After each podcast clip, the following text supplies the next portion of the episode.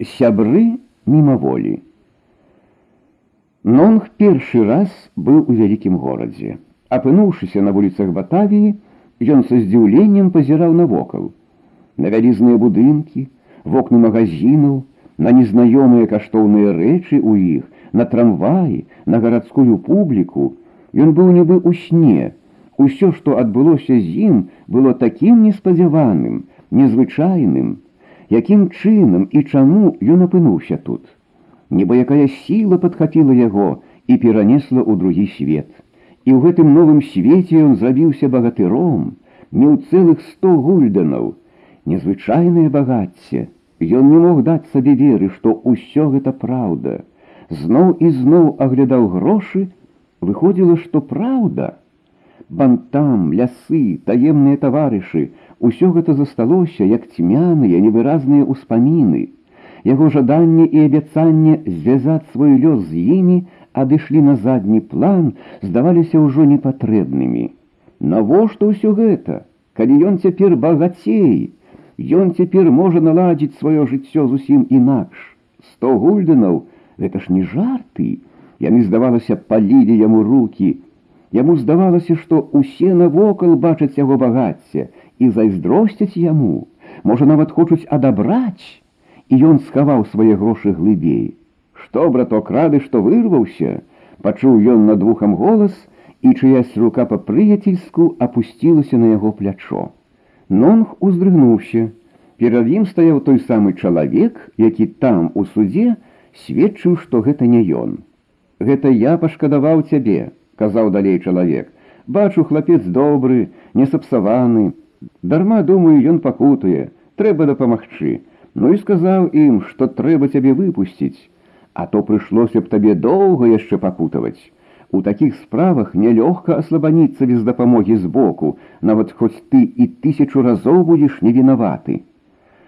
Нонг слухаў гэтае прыяцельскае лапатанне і адчуваў сябе неяк няёмка.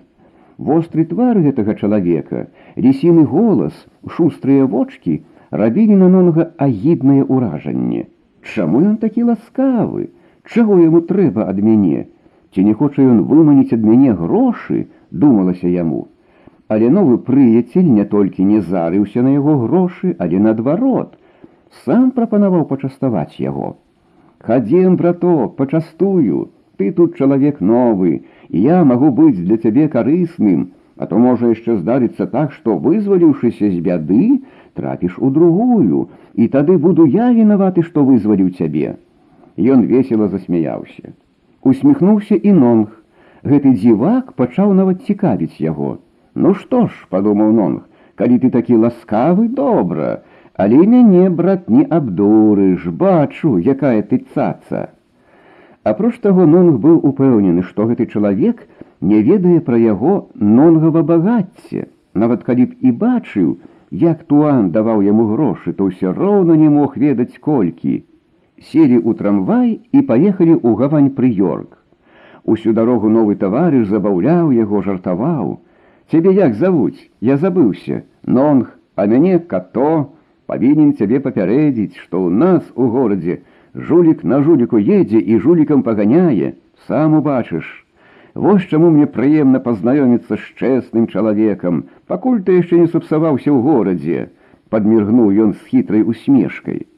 Але гэтае самае здаровае, несапсаванае пачуццё якраз і казала Нонгу, што ён мае справу з адным з такіх жулікаў.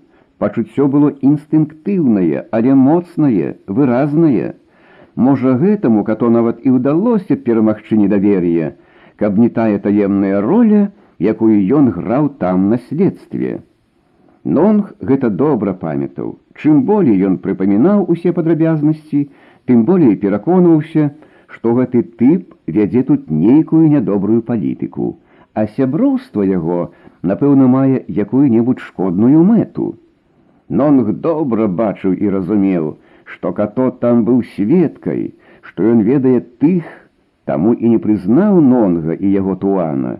Ясна было, што тых шукаюць і, відаць, натрапілі на нейкі след, і таксама ясна было, што галоўным выведнікам быў гэты самы като.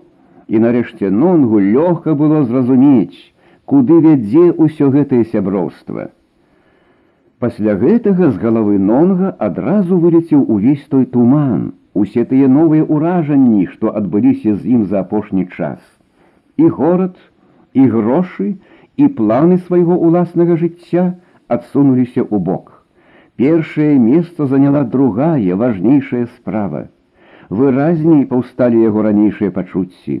Выразней прыпомніў і тых таварышаў у лесе, прыпомніў, з якой ахвота ён ішоў да іх, як абяцаў служыць іхняй справе і нарэшце самае галоўнае, што надавала яму духу і гонару, гэта тое, што яму цяпер трапляецца адказны выпадак самастойна памагчы тым, адхіліць небяспеку, а якім чынам гэта ўжо залежыць ад яго самога і ад абставін. Пакуль што ясна адно, ён павінен сачыць за гэтым чалавекам. Калі яны выйшлі з трамвая, Нонг ужо адчуваў сябе вальней, упэўненей, ён ведаў, як сябе трымаць. У гавані стаяла шмат караблёў з розных канцоў свету. Выгружаліся еўрапейскія тавары, пагружаліся мясцовыя, кава, хіна, цукар, цынамон, мушкат, перц. Под палючымі праменнямі сонца бегалі па сходнях жоўтыя, бурыя, чорныя, паўголыя насільшчыкі з вялікімі скрынямі на спіне. Дзіўным здавалася, як гэтыя маленькія, худыя, стомленыя людзі маглі насіць такія цяжары, скурчыўшыся бадай да зямлі, спавылазіўшы не на лоб вачыма, з гікам нясецца такі насільшчык і відаць, што гэты гік з'яўляецца яго апошнім сродкам для падтрымання сілы. А ўвечары большая частка заробкаў гіне ў незлічоных тавернах, якія нібы пасткі расстаўлены навокал толькі кітайскія насільшчыкі, або як іх звычайна завуць кулі, больш стрыманы і берагуць кожны грош. Павячэраўшы жменькай рысу ды бананам, яны так і застаюцца начаваць на ўзбярэжжы да наступнага дня. Тым болей, што рабочых так многа, што яны ўжо з вечара павінны станавіцца ў чаргу, каб атрымаць работу на заўтра. Като і нонг зайшлі ў адну такую таверну.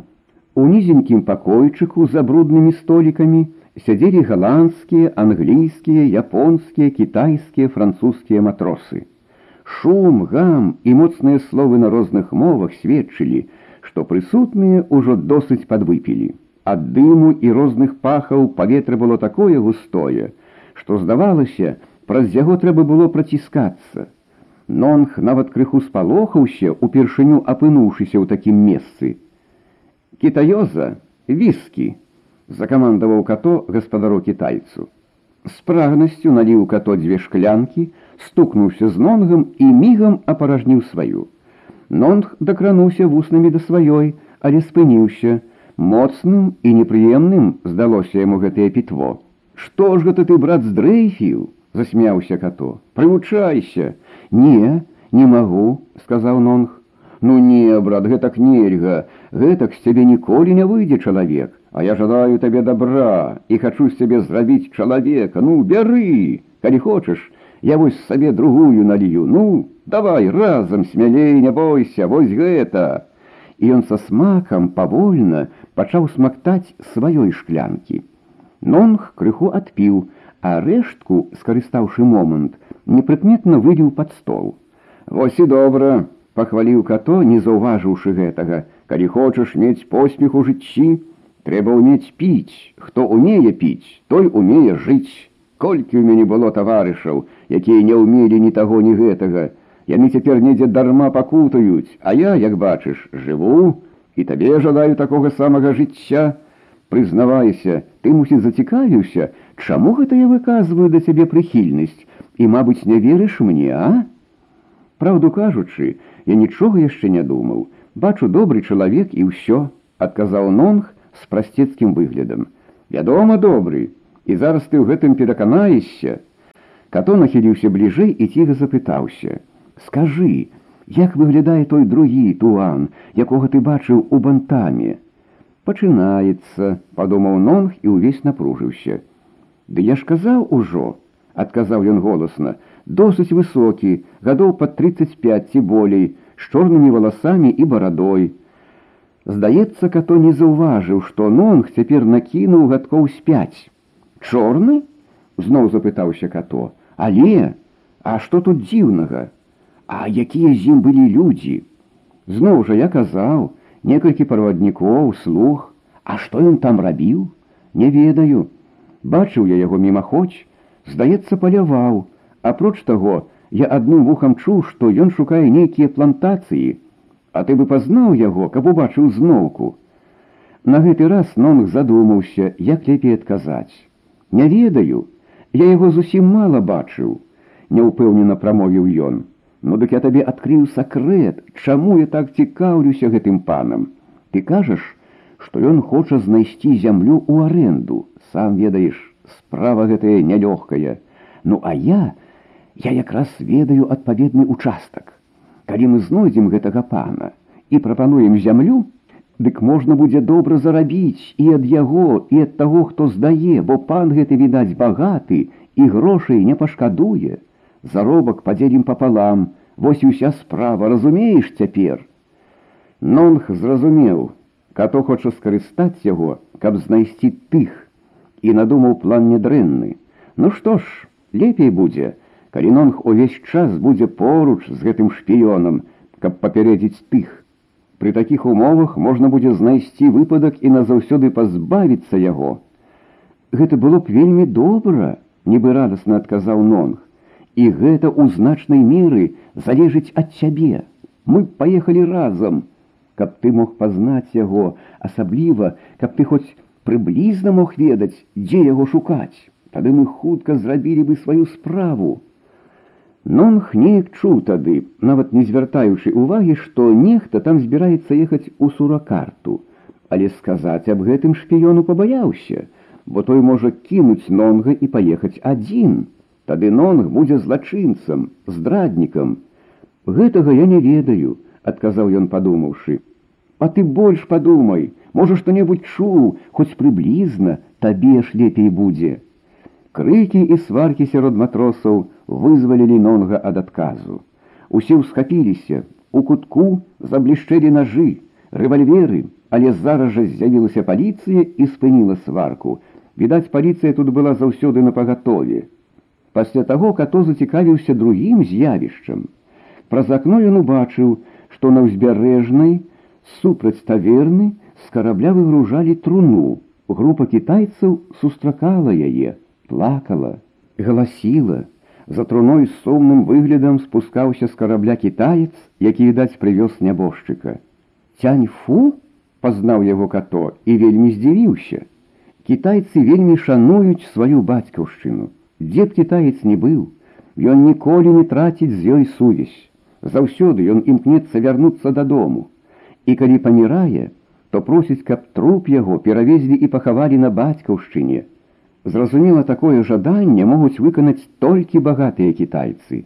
Але ў агульным ліку на ўсім свеце такіх набіраецца досыць. Таму падарожжа кітайскіх мерцвякоў з'яўляецца досыць звычайнай справай. З працягам часу Гэты звычай пачаў ужывацца нават і ў тых выпадках, калі кітаец нарадзіўся не ў Кітаі, а на чужыне. Тады ўжо і ён такім самым чынам імкнецца на сваю новую радзіму. Таму і прывоз кітайскага мерцвяка наяву быў нярэдкім з'явішчам. Але като, відаць, зацікавіўся не гэтым. Падышоўшы да працэсіі, като звярнуўся да адной жанчыны, якая надта ўжо старанна выяўляла роспач. Каго везяце? Ой-ой-ой, бацька, бацька вяртаецца ў такім выглядзе, адказала яна пра слёзы. Потым падышоў да цяньфу. Добры дзень, цяньфу, каго вязеш? Бацьку. Бацьку прыйшлося прывесці, вялікае няшчасце, і каштуе колькі. Като адышоў і усміхнуўся. Па-першае, цяньфу, як ведаў като быў не такі ўжо багаты, каб дазваляць сабе такую роскаш. Па-другое, Тая жанчына не была ні сястрой, ні жонкай цяньфу. І па-трэцяе, бацька цяньфу нарадзіўся і жыў у Кітаі. Ідзем праважаць гэтага нябожчыка, грошы заробім, падышоў като да нонга. Той здзіўлена глянуў на като. Чаго дзівішся, сам убачыш, Я ж казаў, што навучу цябе, як жыць на свеце. І яны далучыліся да працэсіі. Вечарэла ўжо, калі яны падышлі да кітайскіх могілак, Хутка абыякова засыпалі труну і разышліся. Але като нават і не чакаў канца. Ён павёў нонга назад у горад і купіў дзверы длёўкі. Нонг здагадаўся, што задумаў гэты жулік. Ну не, на такія справы я не пайду, запротэставаў ён дурань, кажу ж табе, што зарабіць можна. Гэтакіх заробкаў я не жадаю, ідзі сам. І пайду, упарта сказаў като, а ты шкадаваць будзеш, ты нават яшчэ не ведаеш, у чым тут справа, а ўжо адмаўляешся. У чым жа? Пойдзем тады ўбачыш. Што тут было рабіць? Пакінуць яго, значыць пакінуць тых, адмовіцца ад дапамогі ім, ведаць, што ім пагражае небяспека і нічога не зрабіць.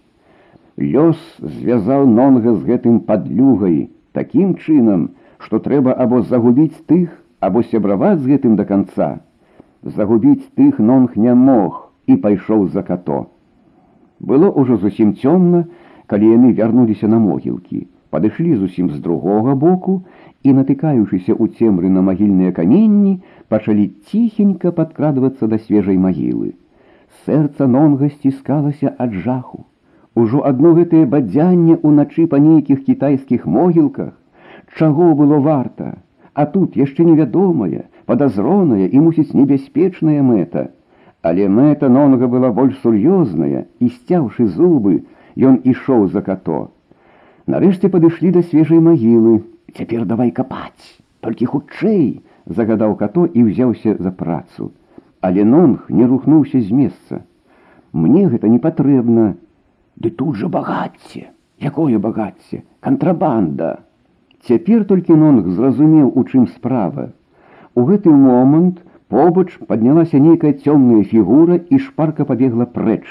Трымай яго! крыкнуў като і кінуўся на ўздагон. Нонг застаўся на месцы, не ведаючы, як трымаць сябе ў гэтых незвычайных падзеях.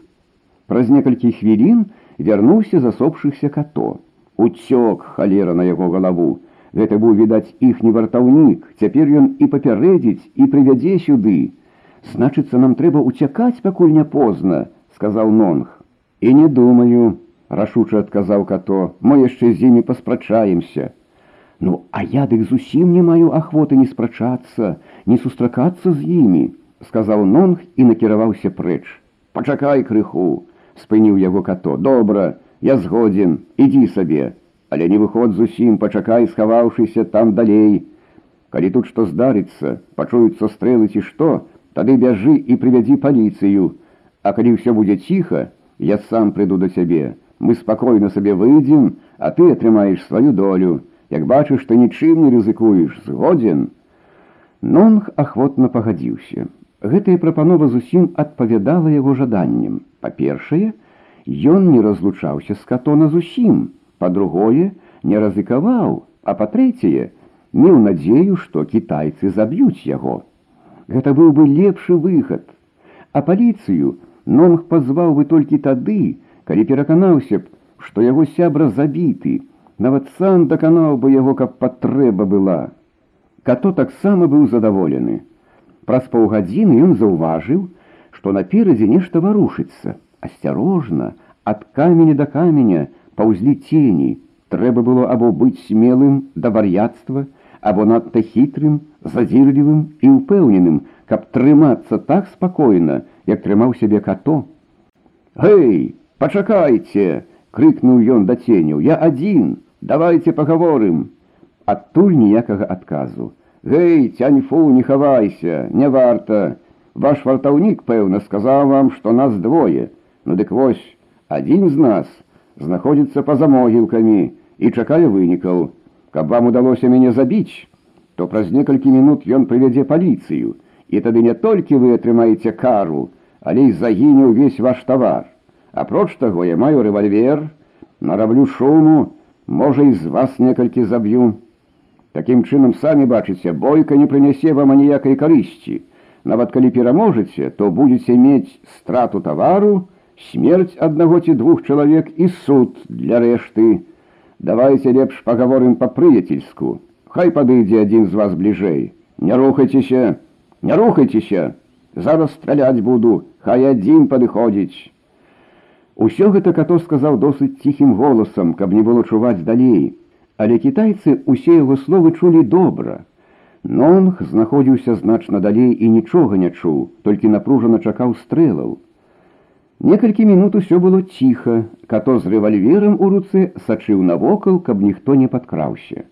Ну, цяньфу, хутчэй, хіба ты дурны, хіба ты не можаш падлічыць усе выгады ад маёй прапановы. Нарэшце падняўся адзін цень і падышоў на некалькі крокаў. Якія ж твае умовы? Прамовіў кітаец, і ў голасе яго было столькі стрыманай злосці, што нават като крыху жудасна стала. Прыяцельскія, по знаёмству толькі, адказаў ён, ты ж ведаеш, што заместа таго, каб рызыкаваць і нажыць сабе ворагаў, я мог бы ціхенька сказаць на вуха каму трэба і без анекага клопату атрымаць трэцюю частку ўсяго тавару. Ты трапіў бы пад суд і нават не выдаў бы, адкуль табе прыйшло гэтае шчасце, а на мяне зусім не меў бы злосці, можа нават яшчэ больш палюбіў бы. Згодзін ты, што я мог бы так зрабіць. Такі, як ты, вядома, мог бы, прахрыпеў цяньфу. Згодзін ты, што ў такой труне можна змясціць опіуму і іншых рэчаў тысячы на тры гульданаў. Куды там на тры тысячы, жыва адказаў кітаец, Ды ў мяне і ўсяго капіталу не будзе тры тысячы. У кожным разе пустую труну ніхто не будзе весці з-за мора, дзелавіта заўважыў като. Ну дык вось моя прапанова. Я атрымліваю замест законнай тысячы толькі 500 і тваю шчырую падзяку, а ты спакойна робіш тое, што хочаш згодзін. Не, ты занадта ўжо налічыў там і на тысячу не будзе. Хоць бы і так, але ж іначай ты і гэтага не атрымаеш. Ды і ў турму трапіш, падумай сам, што лепш. Уступі крыху, запрасіў цяньфу, трыста возьмі. Ну добра згодзін, але з адной умовай, якой, што ты шчыра не будзеш на мяне злаваць. Кітаец нават засмяяўся. Хай будзе так, но і жулік жа ты, падышоў і палез за грашыма. Затое сумленны, з гонарам адказаў като і запаліў агонь, каб можна было адлічыць грошы. Нонг тым часам ажмлеў ад нецярплівасці. Чаму так доўга нічога не чуваць? А калі справа скончыцца згодай, дык час ужо вярнуцца.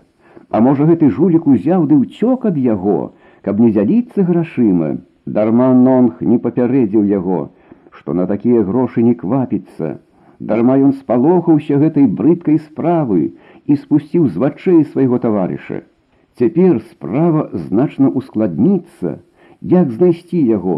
Адна толькі надзея засталася, можа кітайцы яго забілі, і нонг папоўз да магілы.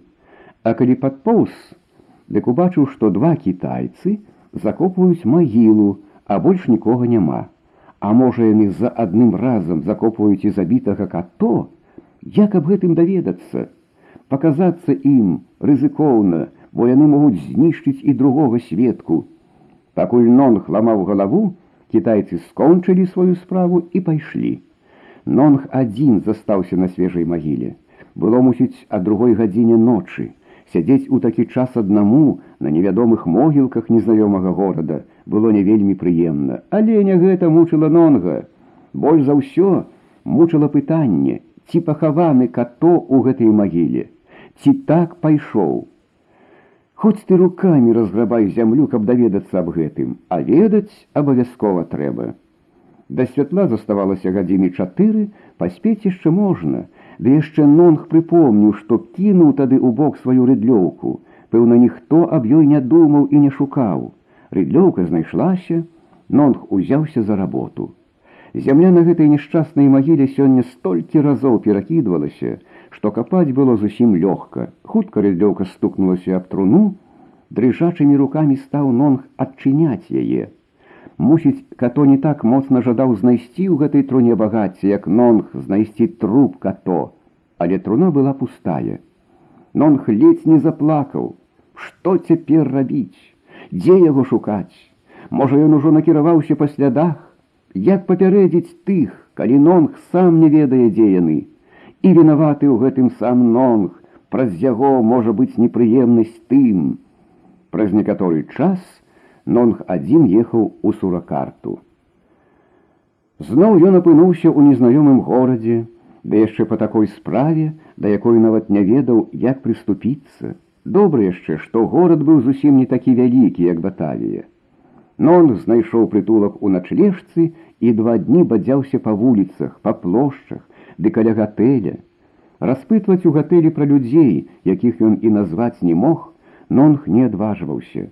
І вось аднаго разу ён убачыў каля гатэля като, таго самага прыяцеля, якога ён згубіў, Като быў у велізарным капелюшы, з якога спускалася яшчэ хустка, відаць, ён хацеў, каб яго пазналі.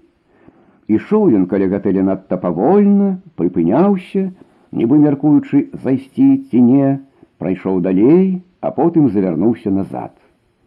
Калі ў першы момант Нонг падумаў быў падысці да яго, то цяпер наадварот адышоў прэч, каб като яго не ўбачыў, і пачаў сачыць, што ж будзе далей. Праз хвіліну да гатэля пад'ехала павозка, і да яе выйшлі два чалавекі. Нонг адразу пазнаў у іх тых, каго шукаў. Не паспеў Нонг падумаць, што яму цяпер рабіць, як яны селі на павозку і паехалі. За імі подбегам рушыў като, а за като Нонг. Завярнуліся ў адну, другую вуліцу, і выйшлі на прамую доўгую, якая відаць непасрэдна пераходзіла ў шлях. Тут като неспадзявана спыніўся і павярнуў у бок. Збянтэжаны нонг не ведаў, ці сачыць за ім, ці гнацца за тымі. Крыху паразважаўшы ён палічыў за лепшае ісці наперад. Пара маленькіх яванскіх коней шпарка везлі павозку па пыльнай дарозе, і хутка пыл зусім схаваў яе ад вачэй нонга. Як было яму дагнаць яе? а тым часам ззаду кожную хвіліну можна было чакаць небяспекі. Тады нонг пусціўся бегчы, роўнымі мернымі крокамі, захоўваючы сілы бег нонг нібы ў спартыўным спаборніцтве. Праз некалькі мінут ён нават заўважыў, што адлегласць памяншаецца.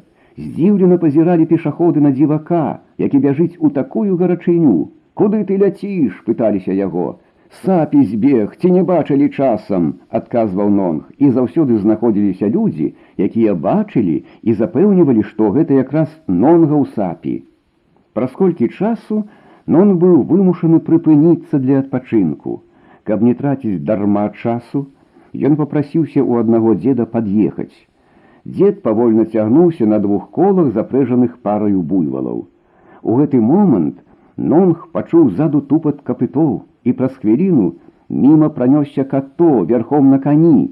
Нонг толькі сцяў зубы ў бяссільнай злосці. Але вось наперадзе вялікі ўзгорак, павозка падарожнікаў паехала ціха, като апынуўся ўжо зусім блізка ля яе, але спыніўся і стаў чакаць, пакуль яна ад'едзе далей. Нонг уздыхнуў вальней, значыцца, като толькі сочыць за ёй, а ў такім разе нонг паспее і пазней падысці да яе. Павозка тым часам пераехала праз узгорак і зноў паехала шпарчэй. За ёй схаваўся з вачэй і като. Тады нонг злез з воза і надзіла дзеду зноў пусціўся бегчы. За ўзгоркам пачынаўся пералесак, які паступова пераходзіў у досыць густы лес. Бегчы стала лягчэй. З-за варотаў мільгаў коннік, за ім часта паказвалася павозка, але като ўвесь час трымаўся на пэўнай адлегласці ад яе. Калі нонг ужо значна паглыбіўся ў лес, то пачуў ззаду яшчэ больш моцны конскі тупат, азірнуўся і з жахам убачыў, што за ім едуць чалавек двадцать жандараў, але яны зусім не спяшаліся, ехалі ўвесь час ціха, так што нонг заўсёды быў наперадзе. Такім чынам прайшлі яшчэ кіламетраў з пяць. Раптам нонг пачуў, што нехта едзе насустрач. Ледзь паспеў ён схавацца ў кустах, як міма яго праехаў като. Ён пад'ехаў да жандараў і пачаў нешта казаць. Тыя спыніліся, злезлі з коней і адвялі іх глыбей у лес. Злез каня і като і пакінуў яго там жа. Праз хвіліну жандары зніклі, усё заціхла, а назад ужо пайшоў пешу адзін като. Нон зразумеў, у чым справа. Като павінен быў спачатку высачыць, а потым ужо паклікаць жандараў. Нонг адчуў сябе спакойней, нават задаволена усміхнуўся. У такім разе паспеем, падумаў ён і пайшоў услед за като. Праз некаторы час пачуліся галасы. Відаць, блізка было жыллё, показалася палянка, а на ёй некалькі хатак. Ля адной з іх стаяла павозка падарожнікаў. Саміх іх не было відаць, а круціўся там като. Потым ён накіраваўся ў лес, за ім пайшоў і нонг. У гушчары было ўжо досыць цёмна. Трэск і шолах наперадзе паказвалі нонгу дарогу, па якой ідзе като. Як тыгр краўся ззаду нонг, трымаючы ў руцэ свой крыс. Ісці прыйшлося нядоўга. Лес крыху парадзеў, і сярод гушчару вызначыліся вялізныя руіны старажытнага будынка. Навокал было ціха і бязлюдна, толькі некалькі цёмных фігур мільганула ля сцен. Выйшаўшы на ўскрай лесу, като прыпыніўся. У гэты момант за яго спіной храснула галінка. Мігам ён выхапіў рэвальвер, адвярнуўся і ўбачыў перад сабой нонга. Ты здзівіўся като. Такая неспадзяваная сустрэча на момант ашаломіла яго. Гэта і скарыстаў нонг, ён ужо загадзе абмеркаваў, што самай галоўнай справай будзе цяпер не дапусціць стрэлу, бо ён можа выклікаць сюды жандараў. Не паспеў като апамятацца, як нонг выціў яго крысам па руцэ з рэвальверам. Рэвальвер вываліўся. А, ты вояк! Узвізнуў като і закруціўся бы вужака на агні. Ён выхапіў левой рукой крыс, а правай параненай цэліўся падняць рэвальвер. Тады нонг патрапіў ударыць яго яшчэ і ў левае плячо. Сюды, на дапамогу! закрычаў като на ўсё горло і памкнуўся уцякаць. Нонг сцяніў, якая небяспека пагражае ад гэтага крыку і кінуўся на като, як калісьці тыгр на нонга. Ён думаў не аб тым, каб зноў ударыць като крысам, Не заўсёды гэтым адразу спыніш крыка, каб хутчэй заткнуць яму глотку. Мігам абодва яны пакаціліся па зямлі. Паранены катот доўга супраціўляцца не мог. Нонг вельмі хутка сціснуў яму горла, але раптам ззаду некалькі рук ухапілі за горла яго самога і адцягнулі ад като. Спазніўся, жалем падумаў небарака, дзеячыся, як гэта ён не пачуў, што падаспелі жандары, азірнуўся і ўбачыў не жандараў, а гурток людзей, сярод якіх былі тыя, каго ён шукаў. Туан ускрыкнуў абрадаваны нонг, забыўшыся, што гейс забараніў так называць яго. Але гейс і саму не чулі яго і не бачылі. Яны абодва разам кінуліся да шпіёна з крыкам: Гоно, у чым справа, але здраднік нічога не мог адказаць. Седзячы на зямлі, ён апусціў галаву і маўчаў. Тады яны глянулі на нонга і зноў здзівіліся. Нонг ты ратуйцеся, адказаў нонг, недалёка адсюль стаіць у засадзе атрад жандараў, якіх прывёў гэты шпіён. Гад, здраднік, крыкнуў салу і ўсадзіў свой крыс паміж плеч гоно.